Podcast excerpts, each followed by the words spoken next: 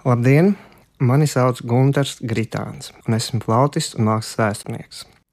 Daudzi no mums ir pazīstami ar izcilā itāļu kinorežisora Lukino Viskonti filmām. To vidū ir arī šedevrs filma ģimenes portrets ietvarā, kas radīta 1974. gadā. Galvenais varonis, angļu profesors un mākslas kolekcionārs, dzīvo Greznā Romas palāco. Palāca termina nozīmē jau no Renesanses perioda ir greznas dzīvojamās nams vai arī pilsēta. Tad, lūk, profesora nojausma par reālo dzīvi ārpus palāca durvīm ir visnotaļ nosacīta. Vai zinājāt, ka Viskonti filmas ģimenes portrets ietverā galvenā varoņa prototyps ir slavens itāļu kolekcionārs, interjeru dizaina autors, rakstnieks un anglofils 1896. gadā dzimušais Mario Prats. Cilvēks, kurš savu pasauli un vidi veidoja kā mākslas darbu ar mākslas priekšmetiem, gleznām un grāmatām, līdzīgi kā Viskonti varonis. Mario Prats ir uzrakstījis vairākas grāmatas par to, kādam viņuprāt ir jābūt mājas interjeram. Par ideālo dzīves telpu vairāku gadu garumā viņš veidoja savu dzīvokli Romā. Prāca grāmata Dzīves māja, kas izdota 1958. gadā, ir savdabīga oda viņa dzīvoklim. Šis nams ir celts 17. gadsimtā, un tā vēlākais īpašnieks ir Primolīkungs, kurš 20. gadsimta sākumā fasādi modernizēja. Palācu atrodas Vieģu Zepi Dzinārdelli ielā viens. Tas ir pavisam netālu no slavenā imperatora Adriāna mauzoleja, vietas, kur risinās arī komponista Giacomo Puccini operas Toska darbība.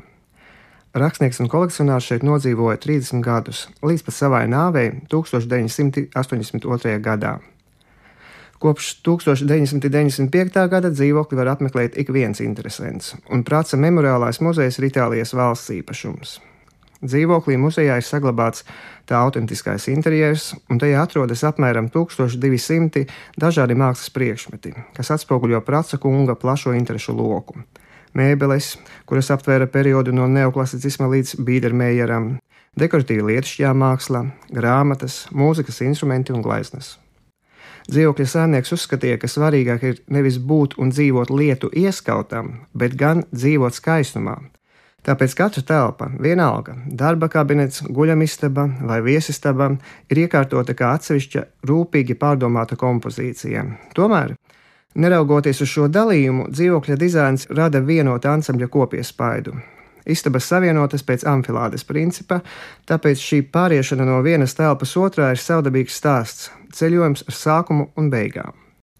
Jau minētās grāmatas pašās beigās autors raksta: Cilvēks, kas skatās spogulī, esmu es pats. Un mana grāmata ir kā manas dzīves un mājas atspoguļs greizajā spogulī. Iespējams, saudabīgs manas iedomības piemineklis. Un prāts piebilst, ka arī viņš pats ir kļuvis par savas dzīves telpas, muzeja priekšmetu, jo īsti vairs nespēja nošķirt ikdienas dzīvi no tās realitātes, kas ir pakārtota tam, lai dzīvotu skaistumā. Sajūtas, kas pārņem redzot šo Mariju Prāca dzīvokli, tāpat kā mūziku, izstāstīt nevar. Vislabāk to ir iepazīt klātienē, gida pavadībā. Un, lai arī tas nav dokumentāli apstiprināts, taču ir ziņas, ka Mario Prats tā īsti arī nekad nepiedeva Lukino Viskonti to, ka viņš filmā ieraudzīja sevi. Laikam jau kino lielais ekrāns spēja parādīt vēl detalizētāk visu šo greizā spoguļa atspoguļu un to skaistumu, kopā ar nelielu smeldzi un lielu vientulības devu.